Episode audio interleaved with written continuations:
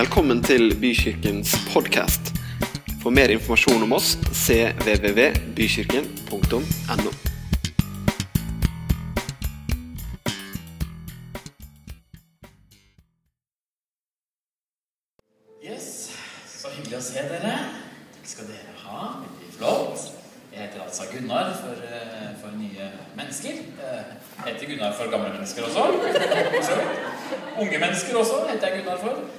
som har kjent meg lenge, de heter også Gunnar eh. Så har jeg fått sagt det jeg er ganske god på introduksjoner. Ja, det har jeg øvd mye på. Eh, Jeg eh, så på kalenderen i dag når jeg tok meg klær og ikke gradestokken. Altså, jeg angrer litt på det nå i dag. Det er litt sånn kjølig her. Så hvis jeg skjærer på hendene, så er det ikke fordi jeg er nervøs. Det er rett og slett bare fordi jeg er veldig, veldig kald. Men det går fint. Og hvis jeg går mye rundt også, så er det ikke fordi jeg er engasjert. Det er bare fordi jeg må holde varmen. Bare så dere vet det. Så det kommer ikke til å ta av meg selv men det kanskje ser sånn ut. Eh, Jeg jobber i Tønsbergs Blad, og der var det en kar som fortalte en historie her om dagen som jeg synes var veldig morsom. Og det handler om sommer. Han jobber i markedsavdelingen der. Og, og da hadde de fått for seg at de skulle gjøre et veldig kult stunt. De hadde en kampanje som het 'Sommerglad med Tønsbergs Blad'. Ja, jeg fikk en liten slogan de hadde laga. Og så kom de opp med den geniale ideen at de skulle bruke helikopter. Og så skulle de reise ut på øyene i skjærgården her. Skulle de levere fra seg sånne giveaways. Ja, på den tiden det var mye penger i media, kan man si. Det er ikke sånn helt nå lenger. Nå har de kanskje en trådsykkel eller noe sånt når vi skal ut og gjøre noe. Eh, Men dette hørtes ut som en kjempekul idé, liksom. Og ja, dette gjør vi. Og så fikk de tak i helikopter og en litt sånn fersk pilot, og så dro de av gårde ut i skjærgården. Og så så de liksom en ganske fin eh, øy med litt sandstrand og litt folk og sånn. Så de kan vi liksom La oss lande hos de. Det hørtes også ut som en morsom idé, men det er klart når du nærmer deg med et helikopter, ja, da begynner det å skje ting i, i vinden og luften rundt. Så det begynte å virvle opp sand, ikke sant? og folk måtte holde på hattene sine, og håndklærne fløy, og liksom Og de kom nærmere og nærmere bakken, og liksom eh, Og så sier han piloten Skal ikke du gi bort noe, så du ikke kaste ut noe sommerglad med Tønsbergs Blad? Nei, jeg tror kanskje ikke det. Jeg fattet han ut av. Vi må bare komme oss vekk, for dette her blir jo bare tull. Eh, Du kan ikke liksom Vær så god, vi ødela, ødela sommerdagen din. Hilsen Tønsbergs Blad. Så det måtte liksom, de forsvant av gårde. Men denne karen da, som heter Roar, han eh, som fortalte denne historien, han, han skulle rett og slett slutte i Tønsbergs Blad. Altså, han hadde liksom, eh, var veldig morsom og masse historier og kjempegøy å høre på han. Så jeg gikk bort til han etterpå. Jeg kjenner han ikke, for jeg har akkurat begynt der sjøl i, jobben. Så jeg sa du, jeg må bare si at jeg syns du virker som en veldig bra mann. sa. Eh, og så sa han eh, ja, du vet, drittsekker. Det dør aldri drittsekker. Og det er jo sånn I begravelser så blir på en måte alle vi, tar fram de gode tingene om hverandre, da, og det er jo veldig fint. Men han var liksom er egentlig ikke så god. Eh, Men, men komplimenter, det er veldig fint å gi, da. tenker jeg. Og jeg er i hvert fall en sånn type som liker å få de. Vet ikke åssen det er med deg. Men jeg syns det er gøy å høre komplimenter. Og, og det kan være alt mulig. rart, sånn type, 'Du er flink til å spille trommer.' Ja, det syns jeg er veldig hyggelig. Og 'du er morsom.' Ja, det er hyggelig. Altså. Eh, 'Du har fint hår.' Det er det ingen andre som sier, men det hadde vært hyggelig å høre, da. Det er sikkert veldig hyggelig for dere som har hår, å få sånne, sånne komplimenter. Noen ganger så prøver jeg å se litt ekstra uflidd ut i en periode. For så å ta liksom alt håret og så håpe at noen liksom 'Så fin du er på hodet i dag.' Jeg har heller aldri hørt det. Det er lov å si det til meg etterpå. 'Så fin du er på hodet i dag, Gunnar.' Ser du har tatt det meste av håret ditt. Uh, ja, det er morsomt for meg da jeg syns det er gøy. Eh, eh, men, men, men eh, det er hyggelig med komplimenter, og det er hyggelig med disse litt sånn trivielle komplimentene som handler om hvordan man måte, hva, man presterer på jobb også. Det er hyggelig å høre at du gjør en god jobb, og at du er flink i jobben din. Men det er en, et annet type kompliment som liksom henger litt høyere for meg. Jeg, sto sammen med en kompis en gang etter et eller annet slags event, og så kom det en kar bort til han, og så sa han Du, du er rett og slett Du er helt ved, du, sa han til kompisen min. Så sto jeg og så på det og tenkte du, det var jammen fint sagt. Og det stemmer også. Det, var, det er en kar jeg har veldig stor respekt for, og som jeg er glad i, og som har masse integritet. Dette var ikke bare kompliment på at han var flink til å snakke, eller liksom hadde gjort noe bra en gang, men liksom karakteren din. Du er helt ved. Og det, da begynner vi å snakke ordentlig fine komplimenter. Da er det ikke lenger overfladisk. Da er det ganske nært på livet. Og derfor så er rett og slett overskriften i dag 'helt ved'. For det har jeg lyst til å være. Det har jeg lyst til å være i livet mitt. Jeg har lyst til å være helt ved.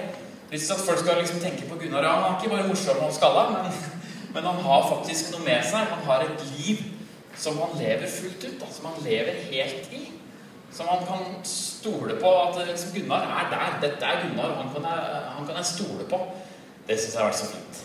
Men det hjelper ikke å snakke om det. Det er noe man må jobbe med og gjøre noe med. Så det har jeg liksom tenkt å prøve å gjøre noe med. For det er sånn at vi ofte blir opptatt av hva vi skal utrette, hva vi skal prestere, hva vi skal få til. Det er jo fra barn, barns ben av. ikke sant? Så, så, er vi opptatt av å gjøre gode ting og kule ting som eh, pappa kan se på. ikke sant? De gjør masse triks. Nå er det veldig inn hos oss å stå på hodet for tida. Og, og, det er liksom Det er ikke én gang om dagen jeg får beskjed om Kan du se på meg nå, liksom? Det er mange ganger om dagen. Vi søker oppmerksomhet, og vi søker komplimenter for ting vi presterer.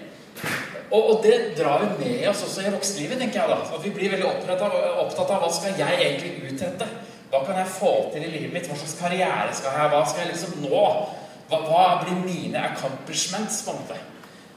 Men det er et spørsmål som jeg tenker er enda viktigere, og det er hvem vil jeg være? Ikke først og fremst hva skal jeg utrette, hva skal jeg gjøre, men hvem vil jeg være i livet? I de tingene jeg gjør, hvem skal jeg faktisk altså Hva slags avtrykk etterlater jeg meg når jeg er sammen med mennesker? Det er det jeg ønsker å snakke om i dag. Er ikke det fint, da? Tenker jeg. Ja, det tenker jeg, da. Det er viktigere hvem du er, framfor hva du kan. Det er viktigere hva slags karakter du har med deg i møte med mennesker, enn hva slags kompetanse du har tillært deg. Og det prøver jeg også å snakke med barna mine om. Det, hver gang de gjør noe som liksom ikke bare handler om noe de har prestert, men, men noe de eh, altså når de liksom viser hvem de er, på en god måte, da prøver jeg å pushe på det. Så bra at du så den lille jenta, Millie. Så fint at du var sammen med henne litt ekstra. Nå jeg så at det var egentlig ikke det du hadde mest lyst til å gjøre, men du prioriterte henne nå. Det er kjempefint. Det liker vi å oppmuntre barna våre til. Liksom, å skjønne at det handler ikke bare om å leve for seg sjøl. Så hvordan kan man da bli hel ved? Jeg tenkte jeg skulle lese opp noen karakteristikker som, som jeg syns høres fint ut. da. Det å være tålmodig, velvillig, ikke være misunnelig, ikke skrytende eller hovmodig. Ikke krenke noen, ikke søke sitt eget, ikke være oppfarende. Ikke gjemme på det onde. Men gleder seg ikke over urett. Det hadde vært fint. Det å utholde alt og tro alt og håpe alt. Tåle alt. Altså Hvis noen hadde sagt det om meg i begravelsen min da hadde jeg egentlig vært ganske sånn fornøyd med hvordan jeg hadde levd. Jeg vet ikke hvordan det teknisk funker om jeg faktisk skal høre hva, hva noen sier i begravelsen min. Det er, det er, det vel egentlig ingen av oss som vet. Men, men eh, hadde, jeg tror det hadde liksom, Ok, hvis det er det jeg etterlater meg, så er det fint. da. Og noen av dere kjenner igjen denne lista. For det er rett og slett Paulus sine ord i Bibelen som beskriver hva kjærlighet er. Kjærligheten har alle disse egenskapene. Hvis du, er, hvis du har kjærlighet, så har du disse egenskapene. Da begynner jeg å bli varm. Det er fint. Så hvis det, hvis det, stemmer, da, hvis det Paulus sier, stemmer, så vil kjærligheten gjøre oss bedre. Og kjærlighet er veldig fascinerende, for det er noe vi alle er opptatt av og, og trenger i hverdagen.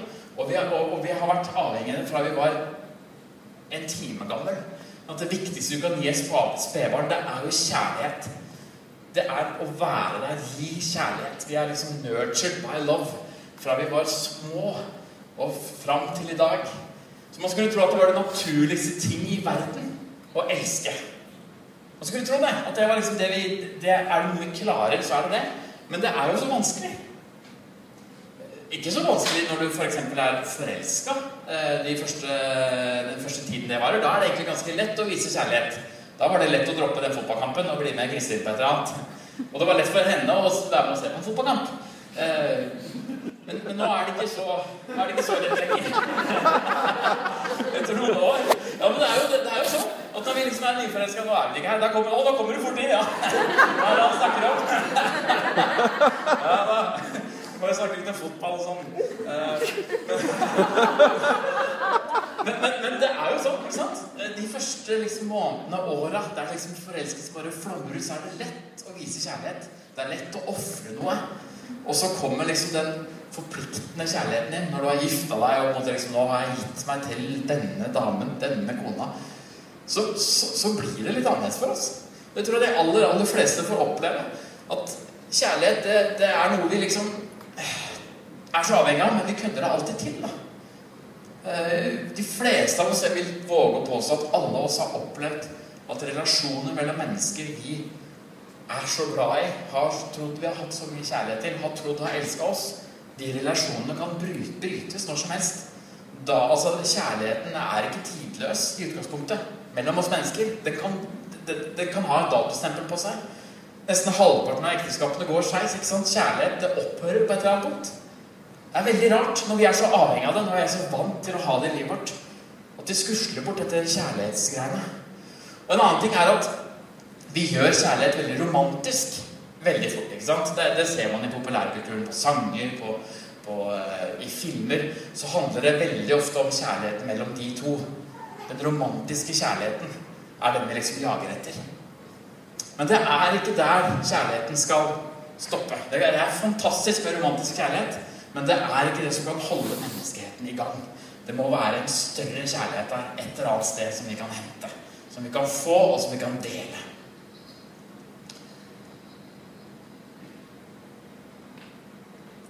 Mennesker er på jakt etter aksept hele tida. Eh, og nå høres jeg ut som en 35 år gammel skalla mann når jeg sier dette her. Men, men jeg har klart godt på Karl Johan sånn en sen eh, fredagskveld. Og det å møte jenter som har dressa seg opp for å bli sett, eh, og for å bli med hjem med noen Litt sånn slørete i blikket.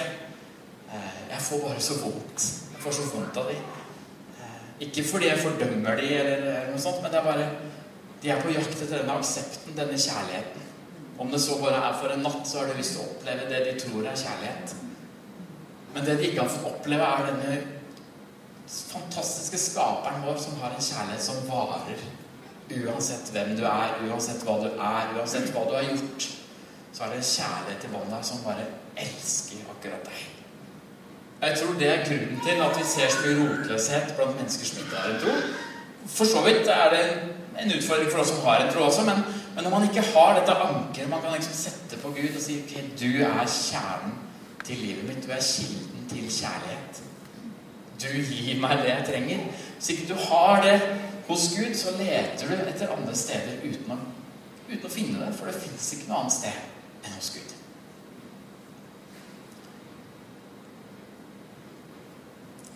Og hvis vi klarer å leve med den kjærligheten fra Gud, så, så kommer vi utrolig mye nærmere det vi opprinnelig var skapt til å være. Det mennesket Gud i utgangspunktet skapte oss til å bli. Den måten og den livsførselen han ville vi skulle ha, kommer vi nærmere hvis vi har kjærlighet. Og det er også det eneste som kan dra oss til den måten å leve på. Da kommer vi oss på en måte vekk fra den standardiserte måten å leve på til å bli opphøyd og liksom virkelig elske mennesker. Da kommer vi oss ut av bobla vår som vi skaper ved å liksom være opptatt av oss sjøl og mitt og, og, alt det her. Og til, til, å brette ut livet sitt og, og, si, og se andre mennesker. Og leve for andre mennesker. Så hvordan i all verden skal man få mer kjærlighet? Altså, Hvordan løser man dette her? For jeg merker at jeg har ikke nok kjærlighet til dette her i, i meg sjøl. Hvordan, hvordan, får man den kjærligheten? Det er det store tusenkronersspørsmålet. Og da tenker jeg at det er smart å starte med selve opphavet til kjærligheten. Vår Gud. Som har denne altomsluttende, uegoistiske kjærligheten. Den ubetinga kjærligheten som ikke er avhengig av hvem vi er, eller hva vi har gjort. For Gud sier nemlig at han ikke, Det er ikke bare det at han har kjærlighet til oss, men Gud sier at han er kjærlighet. Han er selve definisjonen på kjærlighet. Og Nå skal vi lese i Bibelen, for du som begynte å bli redd for det. Uh, og, og, jeg har faktisk ikke satt opp på tavla i dag. Jeg tenkte vi skulle rett og slett si hvor vi skal lese. Så kan dere slå det opp i, i det, på deres iPad eller Bibel eller iPhone eller andre ikke Apple-relaterte produkter. Det er helt greit, det òg. Men Kolosserne kapittel 3 kan dere få lov til å finne fram til. Så skal jeg ta meg litt vann. Det var nemlig planen, skjønner du. Det går så mye fortere å finne fram nå til dags når man har disse smarte brettene. Så det blir en litt sånn klein pause. Du hører ikke den der rislinga av bibel. Husker dere det før?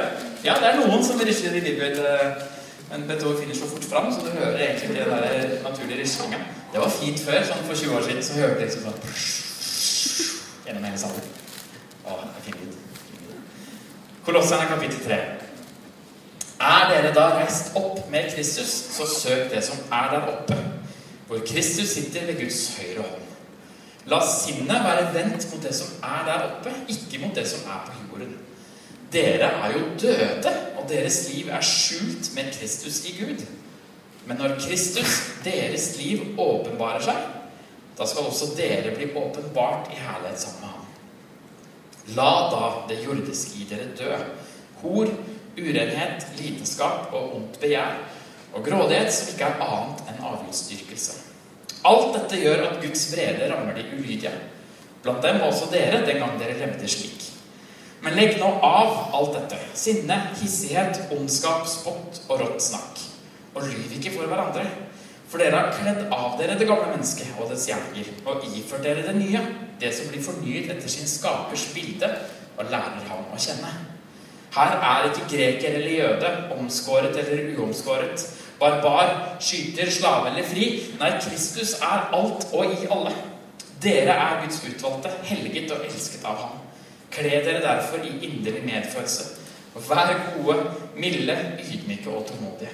Så dere bærer over med hverandre og tilgir, tilgir hverandre hvis den ene har noe å bebreide den andre. Som Herren har tilgitt dere, skal dere tilgi hverandre. Og over alt dette kle dere i kjærlighet som er båndet som binder sammen og gjør fullkommen. Dette er utrolig viktig vers.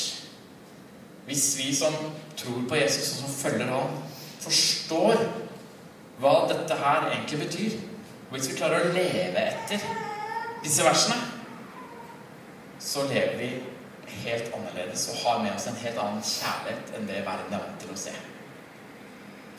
Og motsatt, hvis vi ikke skjønner dette her, hvis ikke vi klarer å liksom få til oss hva, hva Paulus snakker om her, så blir vi så avhengig av omstendighetene våre. For da, da har vi ikke det der ankeret i Gud, det han har gjort for oss. Da, da bare flyter vi med og blir prega av hvordan dagen vår er. Blir prega av, av hva som skjer rundt oss. Men her ligger nøkkelen til å leve et liv nærme hjertet til Jesus. Nærme det han har skapt til å være. Og det skal vi da bruke litt tid det fins noe mer enn det fysiske. Det fins noe mer enn det vi kan se og høre og ta på. Og det, det, det merker vi. Det fins noe mer enn å leve i 70 år her på jorda. Og det, det kjenner alle mennesker på. Vi, vi jakter jo etter eksistensgrunnlag. Hvorfor, finner, hvorfor lever vi? Det fins jo ingen andre arter i verden som holder på med det. Det er jo ikke en frosk som liksom klekker rundt og liksom Hvorfor er jeg egentlig jeg til? Begynner å lure på det, liksom. Eller et rumpetroll da, som liksom, jeg lurer på hva jeg skal bli når jeg blir stor. Det er jo ingen som har de spørsmålene, bortsett fra oss mennesker. Vi baler med dette her fra vi er små, vi, og til vi dør. Så har vi liksom Hva er det vi lever for? Hvorfor er vi til? Hva er vi skapt til å være? Det ligger så latent i oss hele veien. Eksistensialismen oppsto jo på grunn av det. At vi lurer på, vi søker etter hva dette livet skal handle om. Og hvis man tenker at dette bare handler om her og nå, at vi liksom lever nå, og det er det, så blir jo alt veldig vanskelig. Men Gud, han er evig. Og den kjærligheten som han sier han er, den er også evig. Så når vi kobler oss på en evig kjærlighet, så får vi et helt annet utgangspunkt for å takle dette med eksistensialisme og hva vi er, og hvor vi skal. Vi kan puste dypt inn og ut og så tenke at dette er mer enn dette øyeblikket. Jeg er en del av noe større. Jeg er en del av noe mer enn her og nå. Og det er helt fantastisk. Ok. Første verset står det 'Reis opp med Kristus'. At vi er reist opp med Kristus. Det er et utrolig fint uttrykk. Å bli reist opp. Så bli løfta. Vi har blitt løfta opp fra noe annet enn det vi egentlig er. Og så er det også Det, det er et det, Flere steder i Bibelen Du nevnte det, det er løfter i Bibelen. Men så er det også som om det er at, at det ligger noe vi skal gjøre der også. Så hvis man spør Gud er dette et løfte, eller er det en kommando eller lov som du egentlig har gitt oss, så svarer Jesus bare ja. Gud svarer ja, det, det er det. Og så, så, så, det er faktisk en kombinasjon med at vi har blitt reist opp. Men så står det at vi skal se, Nå burde jeg lett finne det bibelverset, for jeg har en sånn iPad. Men vi skal søke det som er der oppe. Så vi er der stopp, men vi skal samtidig søke. Det er som om hjertet vårt har Blitt løfta opp til Gud. Men jeg vet ikke om dere har hørt om tyngdekraften. Den funker eh, veldig bra på meg, i hvert fall. Den gjør at ting detter ned igjen. Det er så, Øyenbrynene mine for eksempel, de var ganske høyt oppe de for 10-15 år siden. Nå bare synker ned. Jeg er veldig redd for hva som skjer når jeg er under 50. Om jeg liksom må gå og løfte de opp. Eh, jeg hopper ikke så høyt. som Jeg har kanskje egentlig aldri hoppa så høyt eh, før. Men, men, jeg hopper lavere og lavere, da, kan du si. Jo eldre jeg blir. Var det noen som så Nei, det var EM-kamp i går. Og så var det en corner som Ronaldo hoppa på. Er det noen som, var det noen som så kampen? Han hoppa så høyt, så, var, så, så han hopper, liksom, står stille og hopper over en meter. Liksom. Det er helt ekstremt. I hvert fall i, mine, i min verden, da. Dere er tydeligvis vant til det. Så det, det er nothing, liksom. Jeg gjorde det før jeg sto i dag. Men det er nemlig sånn at ja, Gud har løfta opp hjertet vårt. Gud har løfta oss opp. Men vi må likevel gjøre en jobb. Vi må likevel holde det hjertet oppe. Og si nei, dette hjertet her skal være oppe. Jeg skal, jeg skal faktisk være fokusert på det som er der oppe. Og det er ganske lett å ta en sånn reality check på hvor, egentlig, hvor bra står det til med hjertet mitt. Hvor høyt oppe er hjertet mitt.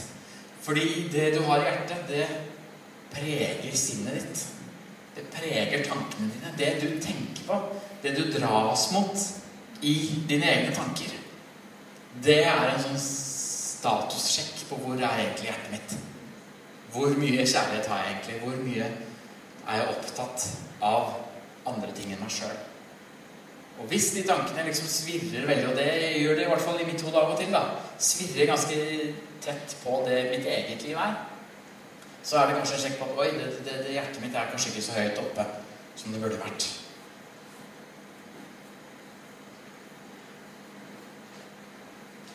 Det er det som er så kult med Gud, at han gir oss valgmuligheten.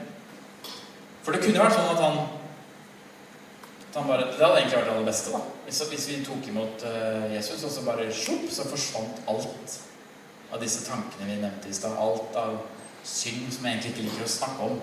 Alt av urenhet, alt vi liksom baler med. Tenk om det bare hadde liksom vært borte. Aldri tenkt på det. igjen. Fra nå av lever du et hellig liv. Det hadde jo vært deilig. Men samtidig så har Gud gjort det sånn at vi faktisk må velge sjøl. Hvis ikke hadde jo faktisk Vi hadde bare vært nikkedukker hos Gud. Hvis han hadde gjort dette her, og vi liksom ikke skulle ta valg sjøl. Men han har gjort det mulig for oss å gitt oss denne evnen til Når vi kobler oss på han, så får vi vite hva som er rett, og hva som er gærent. Og så kan vi løfte vårt hjerte opp til han. Ikke bare hjertet, men også sinnet vårt. Når vi løfter hjertet vårt, når vi løfter sinnet vårt til Han, så får vi nye tanker. Da får vi andre ting å tenke på, andre baner som begynner å gå. Og jeg syns det er helt fantastisk spennende når jeg møter mennesker som akkurat har tatt imot Jesus, fordi de har merka det her så ferskt. At livet har blitt annerledes, at fokuset har blitt annerledes. At man på en måte blir dratt inn i andre tankerekker, andre tankebaner. At livet nå handler om, å, om helt andre ting. Ting som før man ikke tenkte på i det hele tatt var gærent. Det har nå blitt noe som man liksom Ja, det der tror jeg kanskje jeg må styre unna. For det er ikke livet mitt lenger. Det er ikke sånn jeg skal leve lenger. Det er utrolig fascinerende å høre på. Fordi, og, og, og, jeg husker det jo til viss grad sjøl også, men det begynner å bli så lenge siden jeg på en måte tok imot Jesus. At det, at det, der, det der, er ikke så liksom, hot for meg nå, da. Men det er utrolig spennende. Mennesker som akkurat har tatt imot fordi jeg merker dette her at sinnet mitt har blitt nytt. Men det er da at når jeg ikke jobber med dette her hver dag, så, så forsvinner vi gradvis vekk fra det hjertet. Hvis ikke vi tar tak i det hver eneste dag, så kommer vi lenger og lenger vekk fra hjertet. Og så, så, blir vi ikke så opptatt av hvordan vi lever til slutt, fordi vi, vi har ikke den pulsen, og vi har ikke det møtet med Guds kjærlighet så tett på oss lenger.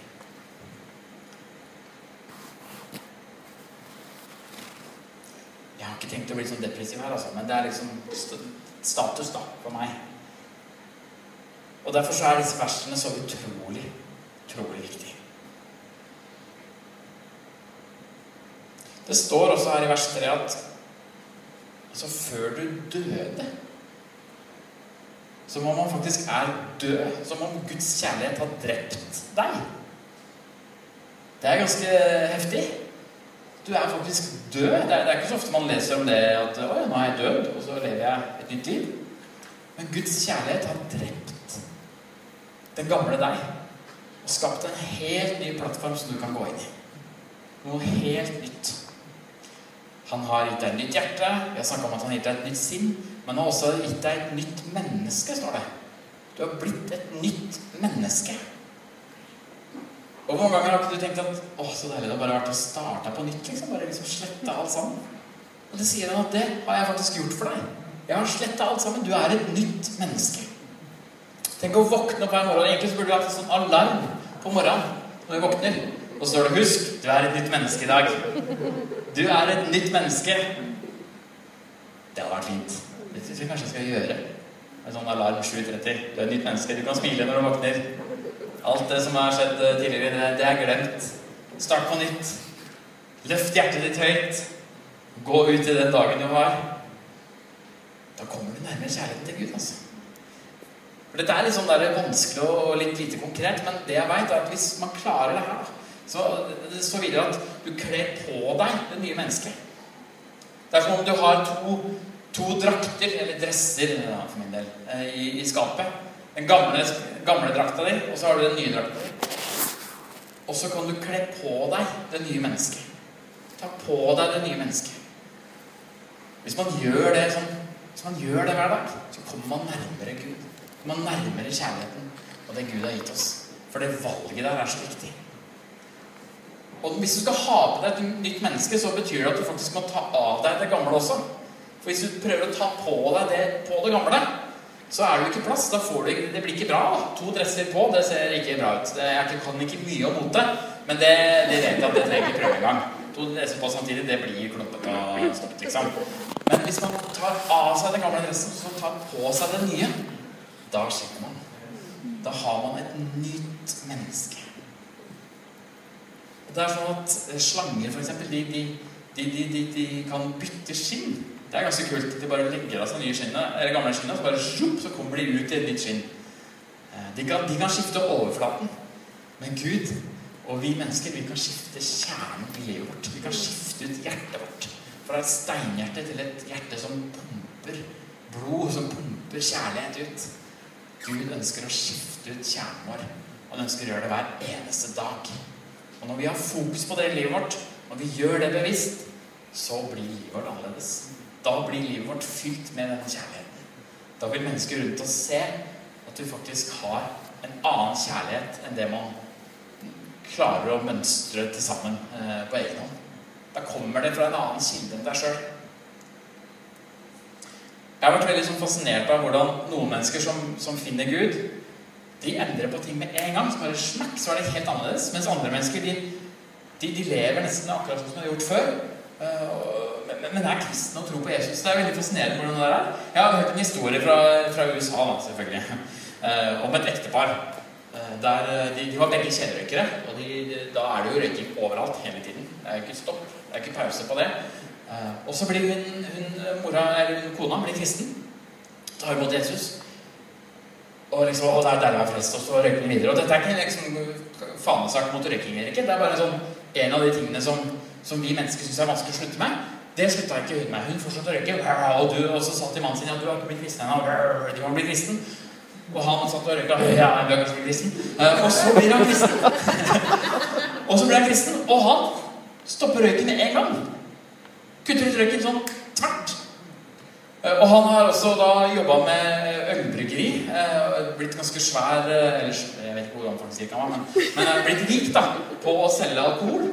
Og han sa vet du hva, det, jeg tror faktisk jeg må gjøre noe annet med livet mitt enn å selge alkohol. Det føles feil for meg nå. Så nå, nå, nå selger jeg det, og så, så, så, gjør jeg noe helt annet. Uh, og det syns hun kona var veldig dårlig, der, fordi hun har egentlig fått ganske mye penger gjennom denne alkoholgreia. Så jeg var liksom, er du sikker på det? Men det er så fascinerende hvordan noe kan være kjempevanskelig for noen. Og du har en tro, og du, har, du følger Jesus. Mens andre som bare sjokk, det er vi ferdig med. Men, men, vi kan jo kjenne igjen det i vårt eget liv også. Det er noen ting som på en måte dette her må jeg bare stoppe med. Altså, det var ganske lett. Og så er det andre ting som man bare må jobbe med. Dag ut og dag inn. Å nei, nå kom dette her igjen. Å, jeg er litt for avhengig av dette her. Jeg må bare prøve igjen, prøve igjen, prøve igjen. Det er veldig fascinerende, men det er i hvert fall noe man må ha et bevisst forhold til. Fordi vi er nye skapninger når vi tar imot Gud. Når vi tar imot Hans kjærlighet, så har vi blitt noe nytt. Det er et løfte der, men det er også noe vi må aktivt gå inn i. Det kommer ikke av seg sjøl. Det er en gratis gave, men det er noe vi må jobbe med. Så Guds kjærlighet har gitt deg et nytt hjerte, et nytt sinn, et nytt menneske. Og i vers 11 så snakker han om en ny verden. Her er det ikke greker eller jøde, omskåret eller uomskåret, slave eller fri. Nei, Kristus er alt i alle. Vet du hva? Jesus har sletta forskjell mellom folk. Det er ikke lenger greker eller syrer eller eh, svenske. Vi er ett folk. Vi er ett folk. Og når vi som kirke skjønner det, at vi må ta vare på alle mennesker, da blir flyktningdebatten ganske enkel. Fordi vi må hjelpe alle mennesker. Vi skal ikke være naive, men vi er forplikta til å hjelpe alle mennesker. Gud ser ikke forskjell på om det er norsk i passet, eller om du har et pass fra Syria. Han elsker alle mennesker. Så bare får jeg kasta det ut her for jeg er så drittlei å se på Facebook hvordan folk oppfører seg mot flyktninger. Vi trenger å stå samla om å ta imot mennesker og hjelpe alle mennesker. Jeg bare litt sånn Det ligger etter hjertet mitt, altså. Gud har sletta alle skillelinjer mellom oss.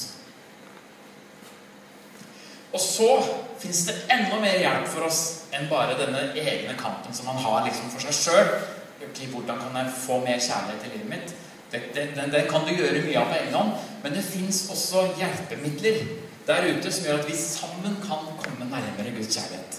Og det står det om i Hebreerne kapittel 10, vers 24-25.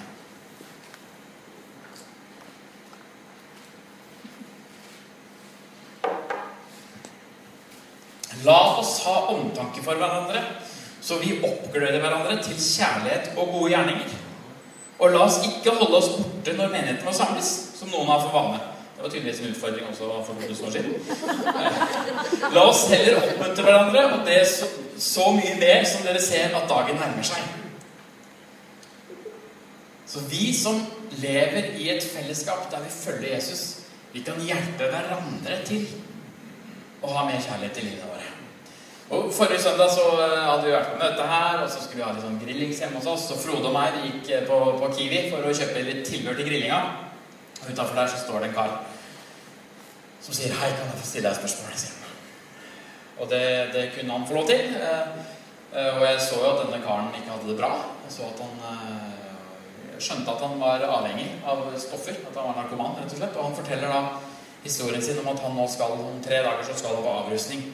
Han prøver å trappe ned og lurer på om han kan få noen kroner til å, til å klare å trappe ned. For han var helt tom. Så han var liksom helt, han skalv og hadde veldig tydelige abstinenser. Og jeg er ikke veldig tilhenger av å gi penger til dop, så jeg sa liksom vet du hva, det, jeg klarer ikke å gi deg penger. Men så Og dette her, da, det som skjer nå, tror jeg faktisk ikke hadde skjedd hvis ikke Frode hadde vært med. for å være helt ærlig. Så, men du, vet du hva jeg kan gjøre? Det jeg kan gjøre er at jeg kan be for deg, fordi jeg tror på en Gud som kan gi noe annet enn penger. Jeg tror Gud kan gi deg styrke gjennom den fasen du er i nå. Så vi endte opp der med å be for han, og jeg følte meg veldig heldig. som viste Frode hvor fint dette kunne være. men, men nei, det, det, er ikke helt sånn. sånn. Jeg, det, dette var genuint, liksom. Dette ville vi gjøre. Men, men Frode også ble litt sånn Oi, dette hadde ikke jeg turt å gjøre alene. Men fordi vi var der sammen, så kunne vi faktisk stå der begge to og liksom Ok, dette er vi sammen om. Og så så vi og be for han her, og så ble det litt, jeg ga han litt penger allikevel, da. Jeg er naiv, enkel gutt, så jeg ga litt penger til han. Og så får vi virkelig håpe at han har kommet seg inn på avrusning. Og han, han sa at ja, du vet hva, jeg har med meg Gud. sa Dette er fryktelig tøft, men jeg har med meg Gud i det, og jeg tror på Jesus. Og, så han var takknemlig for bønnen han fikk da. Men, men, men, dette med at vi er sammen, at vi deler livet, det er så viktig for at vi skal klare å komme videre i det Gud har for oss. Vi er ikke ment å være sånne soloartister som går alene rundt. Vi er ment å lage en symfoni sammen. Og det øyeblikket kirka blir mer enn en møteplass der man kommer for å få Hvis kirka blir et sted der man kommer for å gi Bent Ove var inne på det i stad. Altså, du gir først, og så får du faktisk etterpå. Og når vi har den utgang, altså når vi har det utgangspunktet for å komme til kirke Nå kommer jeg for å gi. Det står her så tydelig. La oss ha omtanke for hverandre, så vi oppgløder hverandre til kjærlighet og gode gjerninger. Og når vi gjør det i kirka vår, når vi oppgløder hverandre til å ha kjærlighet og gode gjerninger, når det er det som er kjernen vår i å møtes, da blir ikke kirka bare en møteplass. Da blir det et sted som forandrer Tønsberg, som forandrer naboene våre, som blir et sted som blir attraktivt. Fordi den kjærligheten mellom oss og til de andre som kommer, er unik. Det er ikke vanlig, folkens, å kjenne på den kjærligheten. Kan jeg garantere deg, Det er ikke vanlig. Du kan ha det fint på arbeidsplassen, du kan ha gode kollegaer og kose deg med de, men det er ikke vanlig å få en sånn altomsluttende kjærlighet fra Gud representert mellom mennesker gjennom mennesker. Det ser ikke mennesker vanligvis, men det kan de få oppleve her. Når vi kommer og oppgløder hverandre til kjærlighet. Det er utrolig viktig, og det er så viktig perspektiv å ha med seg i kirkeliv. Vi kommer ikke her for å få, kommer for å gi. Jeg kommer for å oppmuntre til kjærlighet og gode gjerninger. Og så gjør vi de gode gjerningene, og da skjer det ting i menneskets hjerte. Helt, helt fullstendig overbevist. Guds kjærlighet forandrer hjertet vårt. Det forandrer sinnet vårt, forandrer tankene våre, det forandrer mennesket vårt. Det forandrer verden, og det forandrer kirka. Det er ment å forandre oss. Vi er ikke en kirke som står stille, men vi er noen som går fremover i kjærlighet. Og når vi får til disse tingene, så handler det ikke lenger om vi er relevante som kirke, eller om vi har kule sanger. Men det handler om at vi får møte Guds kjærlighet der vi er, og i dette stedet. Kan vi få opp, eh, få opp her, så skal vi gå mot en avslutning. Det hele starter med å møte kjærlighet. Å møte Guds kjærlighet. Om det er for første gang, eller om du trenger å møte det igjen, så er det der kilden er. Det er der livet ditt med Gud starter. Få oppleve Hans altoppslukende kjærlighet. Vi har snakka så vidt om det, men den synden som vi har Den er ikke god å snakke om, men den er der. Og vi kjenner alle sammen. Om du har liksom altså, Vi har jo de ti bud, ikke sant, som, som for å være ærlig ikke er så fryktelig Det er ikke så fryktelig komplisert. Må bare sørge for å ikke drepe noen, liksom. Eh, de fleste av oss klarer det sånn eh, fra uke til uke. Eh, ikke driv hor. Altså, det, det, er ganske sånn der, det er ikke liksom en kjempehøy standard som vi liksom har hoppa over. Det er egentlig satt ganske lavt. Men det er et eksempel på at uansett hva slags standard vi som mennesker setter, så klarer vi ikke å gå over det. De som ikke forholder seg til de ti bud, eller som ikke forholder seg til, til kristendommen, de, de, har også sine egne standarder, men det er veldig sjelden de klarer å leve opp til sine egne standarder. For det er vi ikke i stand til sjøl. Men Guds kjærlighet er altomfattende og altoppslukende. Og når du tar imot den, så får du en helt annen standard til hvordan du skal leve, men du får også en helt annen hjelp til hvordan du skal leve. Det starter der, det slutter der, og hvis du ønsker i dag å si for første gang at vet du hva, Gud, jeg trenger din kjærlighet, så kan du rekke opp hånda di nå, så skal vi be sammen. For at den kjærligheten som jeg har fått oppleve, og som mange andre har fått oppleve, den er altså noe du kan få ta del i. Få kjenne på, smake på, og veldig fort får lyst til å dele videre. For det er liksom hele essensen i Gud. Han ønsker at du skal ha et liv med en hensikt. At du ikke skal drukne i mengden, at du skal stå ut og vise kjærlighet. Den kjærligheten som du får av han, den får du umiddelbart lyst til å gi videre. Så hvis du ønsker å ta imot Jesus første gang, så får du lov til å rekke opp hånda di nå, så skal vi be sammen. Ingen andre som ser deg enn meg, kan rekke opp hånda og si ok, jeg har lyst til å prøve dette her. Jesus, jeg trenger deg i livet mitt. Jeg trenger din kjærlighet. Jeg trenger å bli omvendt fra det livet jeg lever. Det er bare du, som kan gjøre noe.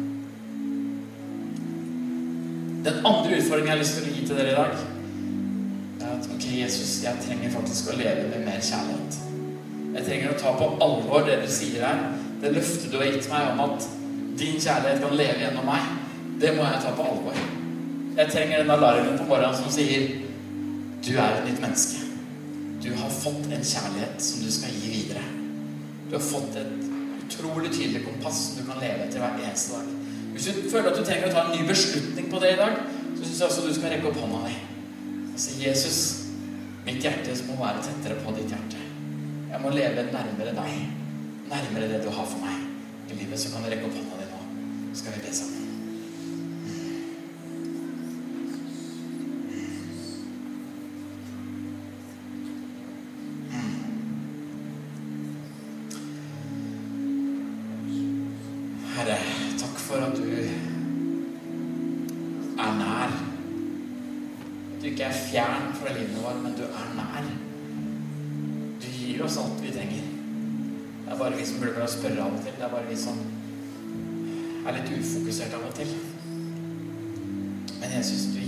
Den kjærligheten vi trenger for å leve et liv som behager deg. For å leve et liv som åpner opp i stedet for å lukke igjen. For å leve et liv som gjør at tankene går over til andre mennesker i stedet for oss sjøl. Et liv som gjør at gjerningene våre forandrer seg. Fra å være sentrert rundt eget liv til å faktisk hjelpe andre. Og Jesus, vi ønsker at hjertene våre skal bli mer like dine. Så nå løfter vi opp hjertene våre til deg, så sier vi her er det nye hjertet. Hjelp oss å holde det høyt oppe. Hjelp oss å ha sinnet retta mot deg, mot himmelen. Være vendt mot deg, Gud. Sånn at vi får leve det livet du har kalt oss til. Sånn at vi hver dag kan få stå opp som et nytt menneske. Fri fra sinne og bitterhet og anger og alt mulig rart vi drar med oss. Full av kjærlighet og nåde og tålmodighet. Og evne til å se andre mennesker. Det er det du har kalt oss til å være. Jeg er så utrolig glad for at vi ikke skal presse oss gjennom det sjøl. Men vi kan bare tre inn i det du har gitt oss. La Bykirken bli et sted som er kjent for kjærlighet, først og fremst. Som først og fremst ser andre mennesker, som, som lever for andre mennesker. Hjelp oss til å leve tett sammen, slik at vi kan Jeg tror det ser noe nytt i det. Den kjærligheten du har for oss, den skal deles. Yes.